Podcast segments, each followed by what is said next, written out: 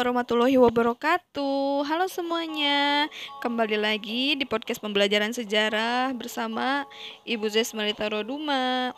Oke, gengs. Untuk minggu sekarang, Ibu akan menjelaskan materi tentang minggu kemarin. Jadi, tiga minggu kemarin itu Ibu memberikan tugas ya kepada kalian. Tugas-tugasnya itu kalian kerjakan terus kalian upload. Jadi, uh, ada beberapa siswa sebenarnya yang belum mengupload di Google Classroom. Ibu harap kalian segera mengupload ya. Karena nanti nilai maksudnya uploadan kalian itu akan mempengaruhi nilai kalian nanti di akhir. Oke. Okay. Uh, tiga minggu kemarin tuh ibu memberikan materi atau memberikan tugas kepada kalian untuk mencari hasil-hasil kebudayaan pada masa praaksara. Nah sebelum ke hasil-hasil nih, ternyata pada saat ibu melihat video ada beberapa video yang uh, isinya itu jadi sepertinya kalian itu pusing kali ya membedakan antara zaman Paleozoikum dan Paleolitikum. Jadi Paleolitikum itu sebenarnya berbeda sama Paleozoikum. Paleolitikum itu merupakan zaman batu. Jadi litikum itu artinya batu, sedangkan Paleozoikum itu merupakan pembabakan zaman kalian harus bisa ngebedain ya antara zoikum sama litikum. Ingat, kalau litikum artinya batu. Kalau misalkan nanti ada soal di UAS, uh, maaf maksudnya uh, ya PAS ada soal tentang paleolitikum, paleozoikum, kalian harus sudah bisa membedakan ya karena litikum itu artinya batu. Oke. Okay e, tidak perlu berlama-lama, Ibu akan menjelaskan tentang tugas yang pertama yaitu tugas di mana Ibu memberikan e, tugas untuk kalian mencari apa sih yang dimaksud dengan masa berburu dan mengumpulkan makanan. Nah, masa berburu dan mengumpulkan makanan ini disebut juga sebagai e, masa yang paling tua atau e, zaman batu tua yaitu zaman Paleolitikum. Nah, oh ya sebelum ke situ ya. Jadi e, hasil dari budaya Indonesia atau pada zaman praaksara ini hasil budayanya itu ada dua zaman. Yang pertama itu ada zaman batu, yang kedua itu ada zaman logam. Nah, kalau zaman batu dibagi menjadi empat yaitu zaman batu tua, zaman batu tengah, zaman batu muda, sama zaman batu besar. Yang kedua ada zaman logam. Kalau zaman logam dibagi menjadi dua, ada zaman perunggu dan ada zaman besi. Nah sekarang ibu akan membahas tentang zaman batu tua atau masa berburu dan mengumpulkan makanan e, atau juga disebut dengan zaman paleolitikum. Nah, zaman ini dikatakan zaman batu tua karena hasil kebudayaannya terbuat dari batu yang relatif masih sederhana dan kasar. Mengapa demikian? Karena pada zaman ini apa pun yang dilihat oleh manusia purba mereka ambil, mereka gunakan sebagai alat atau hasil kebudayaan atau perkakas untuk bertahan hidup. Nah, eh, pada zaman ini eh kehidupan sosialnya itu mereka tuh hidupnya masih secara nomaden atau berpindah-pindah. Lalu makanan manusia purba pada masa ini bergantung sepenuhnya pada alam dengan berburu dan mengumpulkan makanan. Hal ini karena pada masa ini hewan dan tumbuh-tumbuhan telah hidup merata di bumi. Oleh karena itu, berburu hewan menjadi aktivitas pokok untuk bertahan hidup. Hewan-hewan yang diburu antara lain rusa, kuda, babi hutan, kijang, kerbau, kera, gajah, dan kuda nil. Karena berburu menjadi sarana utama untuk bertahan hidup, kehidupan manusia purba Indonesia pada saat ini eh, hiduplah manusia yang disebut dengan Pithecanthropus sampai Homo sapien. Mereka tuh ya tadi bersifat nomaden atau berpindah-pindah dari satu tempat ke tempat lain mengikuti gerak binatang buruan serta sumber air. Kehidupan menetap belum dikenal. Jadi ya tadi kata ibu mereka tuh hidupnya nomaden tergantung sama yang namanya alam. kalau misalkan alam yang mereka tempati sudah habis sumber dayanya, nggak ada makanan, mereka akan pindah ke wilayah lain untuk mencari sumber makanan. Migrasi perpindahan hewan buruan itu umumnya dipengaruhi beberapa faktor utama. Yang pertama itu karena adanya perubahan iklim yang ekstrim.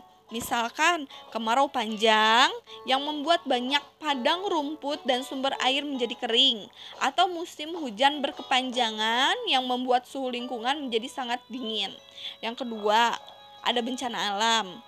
Yang ketiga, ada ancaman dari sesama hewan, yaitu hewan karnivora. Jadi mereka juga takut, mereka tuh alasan mereka berpindah selain eh, alam, tergantung sama alam, mereka juga em, ada hewan gitu yang memburu mereka. Hewan pemakan daging yang memburu mereka. Terus selain itu juga ada gangguan manusia atau gangguan dari kelompok lain. Misalkan kan e, di satu kelompok itu ada 10 sampai 15 orang ya terus ada kelompok lain yang menginginkan wilayah mereka terus terjadilah peperangan sehingga mereka kalah dan memutuskan untuk pindah ke wilayah lain selain itu tumbuh-tumbuhan biasanya lebih mudah tumbuh dan berkembang di daerah-daerah beriklim lebih panas. Hal ini membuat hewan-hewan pemakan tumbuhan herbivora ikut ikut bermigrasi mengikuti migrasi tumbuhan-tumbuhan itu. Migrasi hewan-hewan herbivora ini dengan sendirinya membuat hewan-hewan karnivora ikut bermigrasi juga. Nah, manusia purba Indonesia masa ini hidup dalam kelompok kecil. Tadi Ibu sudah sebutkan mereka hidup sekitar 10 sampai 15 orang. Interaksi antara anggota kelompok saat berburu menimbulkan sistem komunikasi dalam bentuk bunyi mulut, yakni dalam bentuk kata-kata atau gerakan badan. Nah, gimana sih komunikasi pada zaman Paleolitikum? Melihat tadi kayak bentuk mulut ke mulut atau enggak gerakan badan. Misalkan bunyi-bunyinya tuh kayak gini. Nah itu tuh ada artinya dan sebagainya ya. Lalu hasil-hasil budaya pada masa Paleolitikum yaitu ada kapak berimbas alat serpih atau plex, lalu ada alat tulang. Nah, kapak berimbas ini adalah sejenis kapak yang digenggam dan berbentuk masif. Teknik pembuatannya pada umumnya masih kasar dan tidak mengalami perubahan dalam waktu perkembangan yang sangat panjang. Jadi kalau misalkan e, ibu dapat artikannya kapak genggam ini merupakan batu uh, yang mereka ambil seadanya untuk dijadikan sebagai alat. Jadi apa ya apa pun yang mereka lihat, mereka uh, manusia pada zaman ini ya, paleolitikum ini, apa pun yang mereka lihat, mereka ambil lalu mereka jadikan sebagai senjata. Nah, selanjutnya ada alat serpih atau flex. Temuan alat serpih pertama kali ditemukan oleh von Koenigswell pada tahun 1934. Alat-alat dikumpulkan dari permukaan tanah baru Laut Desa Ngebung, Sragen, Jawa Tengah. Alat-alat serpi acap kali ditemukan bersama-sama dengan kapak perimbas atau alat batu masif lainnya di beberapa tempat. Alat serpi merupakan unsur dominan dan kadang-kadang alat ini merupakan unsur pokoknya. Jadi kalian kalau misalkan mau lihat alat serpi atau flex, kalian boleh searching di internet. Eh, kalian boleh gambarkan di buku kalian bagaimana sih bentuk flex dan sebagainya ya. Nah, selanjutnya ada alat tulang. Nah, kalau misalkan alat tulang ini mereka sering jadikan sebagai penusuk. Jadi saat mereka berburu, misalkan berburu hewan, terus mereka kulitin sama kapak berimbas atau enggak kak sama flex, mereka potong-potong, terus mereka jadiin sate si dagingnya. Nah, alat tulang ini kayak e, mereka juga bisa jadiin misalkan tulang dari hewan buruan mereka tuh dijadiin sebagai tusuk sate atau enggak mereka ranting sebagai tusuk sate terus misalkan ada ikan kan ikan ada durinya atau tulangnya mereka jadikan sebagai tusuk sate untuk e, menusuk daging buruan yang mereka buru. Nah, pembuatan alat-alat tulang sementara ini hanya diketahui di Ngandong sebagai unsur yang ditemukan dalam konteks Pithecanthropus soloensis dan alat-alat lain yang dibuat dari tanduk, serpi, dan batu-batu bundar. Oke, e, untuk e, zaman yang kedua, e, Ibu sebelum ke zaman yang kedua ya, Ibu akan putarkan satu lagu spesial buat kalian. Kalian tetap dengerin ya podcast pembelajaran sejarah. Ibu putarin dulu lagu uh, Let's Play.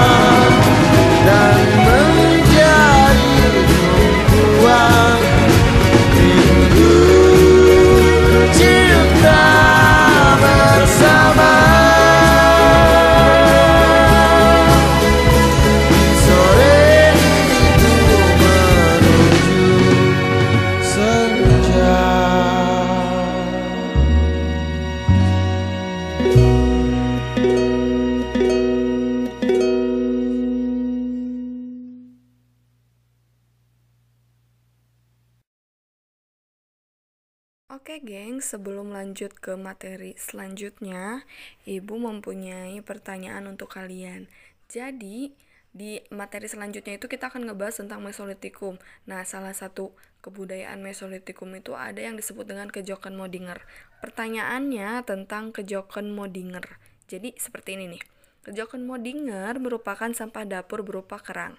Kerang tersebut bertumpuk sehingga menjadi bukit. Dari fakta tersebut dapat dikatakan manusia purba pada masa itu sudah mulai pintar dalam membuang sampah di satu tempat, tidak sembarang tempat. Dewasa ini, kebudayaan masa purba yang membuang sampah sesuai tempatnya makin lama makin terkikis oleh zaman. Hal ini terbukti dengan adanya banjir yang dialami oleh masyarakat Dayakolot, Bale Endah, dan sekitarnya jika musim penghujan tiba.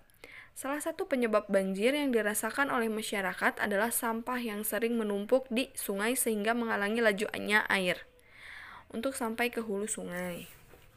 Nah, pertanyaannya, coba analisis keadaan di sekitar lingkungan tempat tinggal Anda mengenai tempat pembuangan sampah yang dilakukan oleh Anda atau tetangga Anda. Apakah pembuangannya atau pengumpulan sampah sudah sesuai di tempatnya? Berikan contoh bukti bisa berupa gambar atau berupa narasi. Nomor dua, jika sudah, berikan tanggapan atau respon Anda untuk membuat hal tersebut tetap terjaga dengan baik. Jika belum, berikan tanggapan atau respon yang harus Anda lakukan agar pembuangan atau pengumpulan sampah bisa sesuai di tempatnya. Yang ketiga, tuliskan pelajaran atau hal positif apa yang dapat Anda ambil dari hasil kebudayaan kejokan Mudinger. Itu pertanyaannya bisa ditulis, bisa diketik di Word, lalu kirimkan di WhatsApp grup. Ibu tidak menerima PC. Terima kasih. Oke, zaman yang kedua ada zaman Batu Tengah atau Mesolitikum. Zaman batu terus berkembang, memasuki zaman Batu Tengah yang dikenal zaman Mesolitikum. Hasil kebudayaan Batu Tengah ini sudah lebih maju apabila dibandingkan hasil kebudayaan zaman Paleolitikum atau Batu Tua.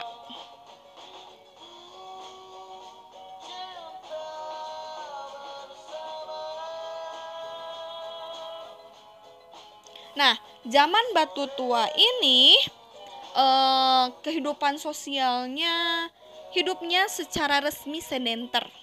Ma- maaf maksud ibu, hidup secara semi sedenter.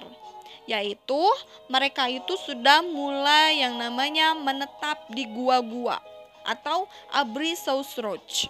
Lalu e, mereka tuh bertahan hidup dengan berburu, menangkap ikan dan mengumpulkan makanan. Mereka masih food gathering ya. Zaman Paleolitikum mereka food gathering. Zaman Mesolitikum mereka juga food gathering. Namun dimungkinkan telah bercocok tanam walaupun masih sangat sederhana. Oh ya, mengapa sih mereka mulai menetap yang namanya di gua karena eh, pada zaman Paleolitikum anggota kelompok itu masih 10 sampai 15 orang. Sedangkan pada zaman Mesolitikum kehidupan atau pertumbuhan atau angka kelahiran manusia purba pada zaman ini sudah mulai banyak.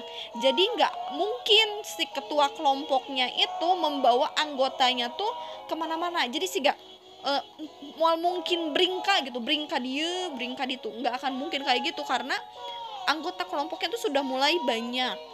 Jadi nggak akan mungkin dibawa ke mana-mana. Misalkan anggota kelompoknya tuh mulai eh, ada 100 orang. Jadi nggak mungkin kan 100 orang sama ketua kelompoknya dibawa untuk berpindah-pindah lagi. Jadi pada zaman ini mereka sudah mulai menetap di gua-gua. Oke selanjutnya eh, kebudayaan yang mendukung pada zaman ini ada yang disebut dengan kebudayaan bone di daerah ini ditemukan alat-alat dari tulang. Terus ada juga kebudayaan Bandung. Di daerah ini ditemukan flex juga masih yang dinamakan mikrolit. Terus ada juga kebudayaan Bakson Huabin. Di daerah ini sama ditemukan flex dan chalcedon. Nah, persebaran kebudayaan pada zaman ini tuh ada beberapa jalur ya. Yang pertama itu ada jalur ba barat. Jalur barat ini merupakan jalurnya Bakson Huabin. Jalurnya itu melewati Thailand, Malaysia Barat sampai ke Sumatera Timur. Selanjutnya ada jalan timur atau jalur timur. Bakson Huabin eh, sama masih melewati Thailand. Mereka lalu melewati Filipina, Sulawesi sama Timor. Timor Leste ya maksudnya. Selanjutnya jenis bangsa atau manusia yang hidup yang hidup pada zaman Mesolitikum adalah e, bangsa Papua Melanosoid.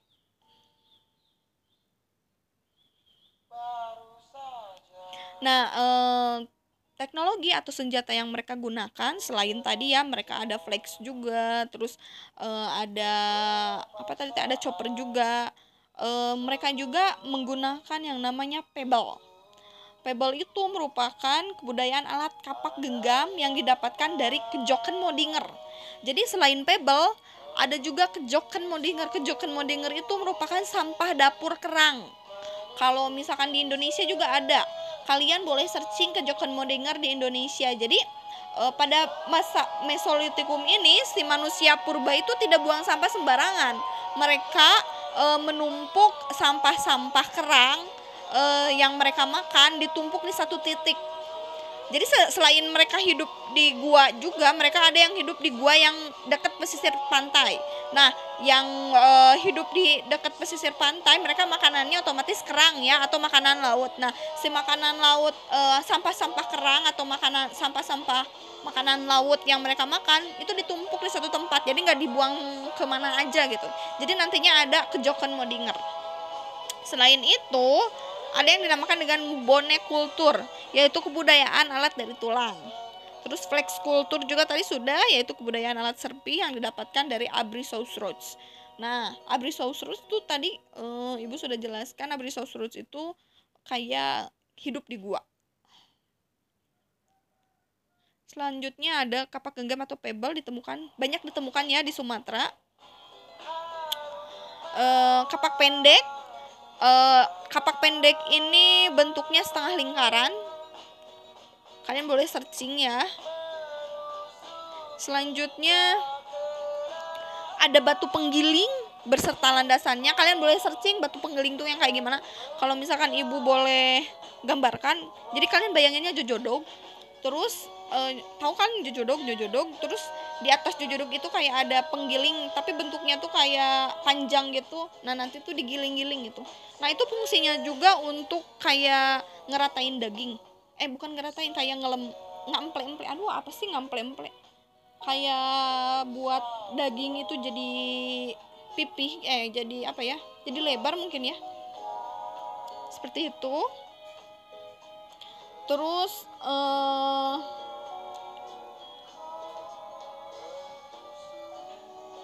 zaman ini juga tadi kan sudah ya ada aku jokon mau diingat juga terus oke okay. sepertinya sudah zaman eh, uh, Mesolitikum Selanjutnya ibu akan menjelaskan tentang zaman batu muda atau zaman neolitikum. Nah, zaman Neolitikum atau zaman batu muda ini Zaman ini tuh merupakan zaman di mana terjadinya revolusi kebudayaan, yaitu terjadinya perubahan pola hidup manusia. Pola hidup yang asalnya food gathering diganti menjadi food producing. Mengapa demikian? Kenapa? Karena pada zaman e, batu muda atau neolitikum, manusianya tuh sudah mulai banyak banget. Terus mereka tuh sudah mulai punya yang namanya perkampungan atau mereka tuh sudah mulai punya rumah tapi rumahnya tuh dari tumbuh-tumbuhan. Maksudnya kayak misalkan dari uh, atapnya tuh dari uh, serabut kelapa misalkan atau dari jeraming dan sebagainya. Nah pada zaman ini hidupnya itu sudah mulai sendeter berarti menetap ya dan mulai membentuk perkampungan Nah, mereka itu bertahan hidup dengan cara memproduksi makanan atau bercocok tanam. Jadi, kalau misalkan zaman Mesolitikum mereka sudah mulai mengenal yang namanya bercocok tanam, di zaman Neolitikum mereka sudah mulai bercocok tanam. Jadi bercocok tanamnya itu sudah mulai canggih ya pada zaman ini. Nah, mereka juga sudah mulai yang namanya berdagang perdagangan dengan sistem barter mulai dikenal pada zaman ini. Selanjutnya, jenis manusia atau bangsa yang hidup pada zaman ini adalah bangsa Proto-Melayu dan Austronesia. At, e, teknologi atau alat kebudayaan yang mereka gunakan pada zaman ini, yang pertama ada kapak persegi.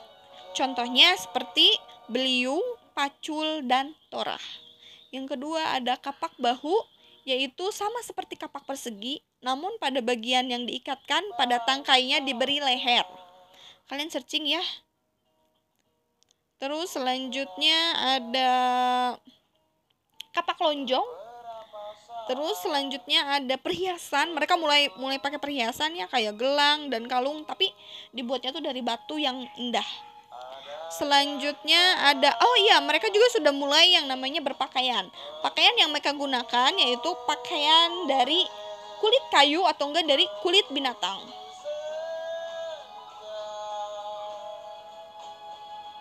Lalu mereka juga sudah mulai membuat yang namanya tembikar, yaitu periuk belanga, belanga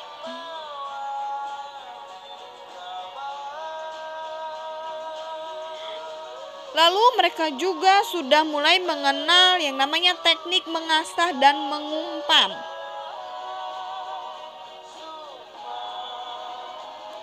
Nah, zaman ini, zaman e, Neolitikum hidup atau terjadi sekitar e, 1500 SM.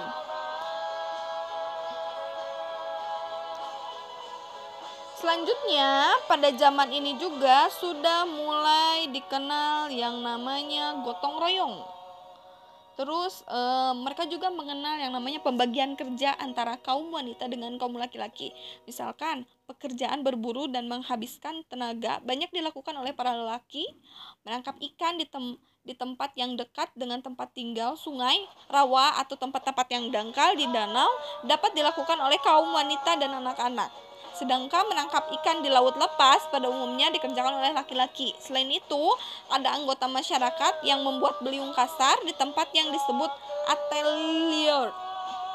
Ada yang bertugas menghaluskannya dan sebagainya. Sementara itu, seiring dengan meningkatnya jumlah penduduk, kegiatan-kegiatan dalam kehidupan perkampungan yang terutama ditunjukkan untuk mencukupi kehidupan bersama mulai diatur dan dibagi di antara anggota-anggota masyarakat.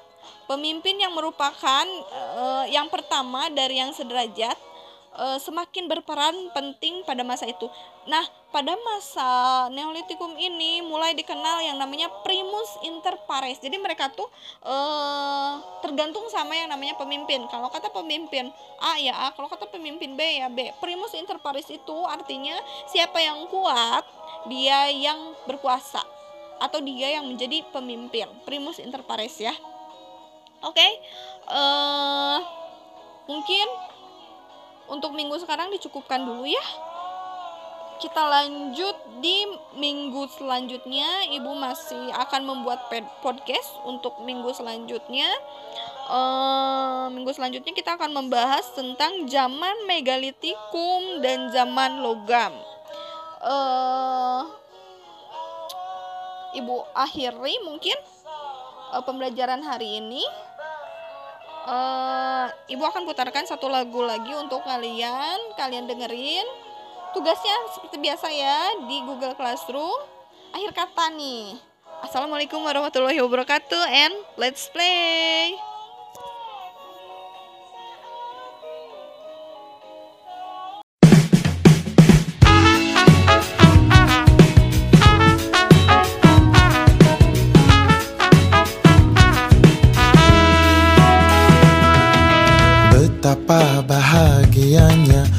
hatiku saat ku duduk berdua denganmu.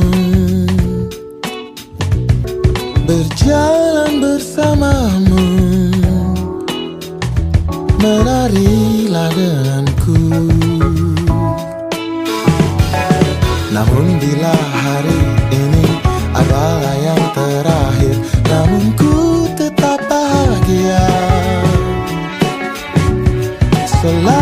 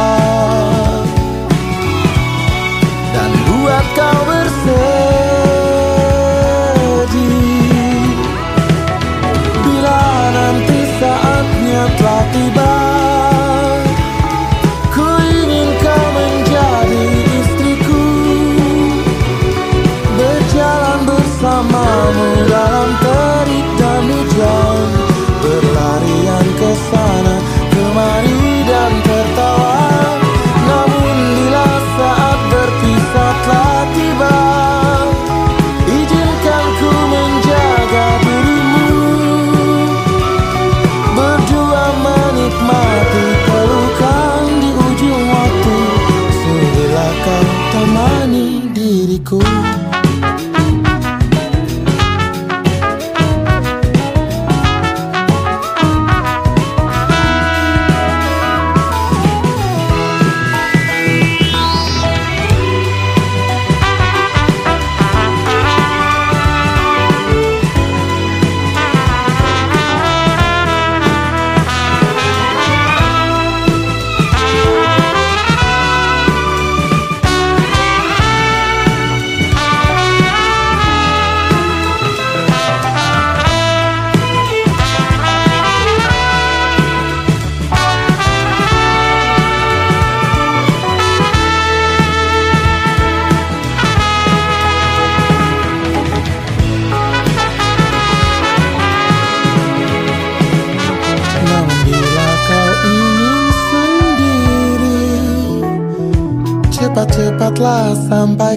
goodbye.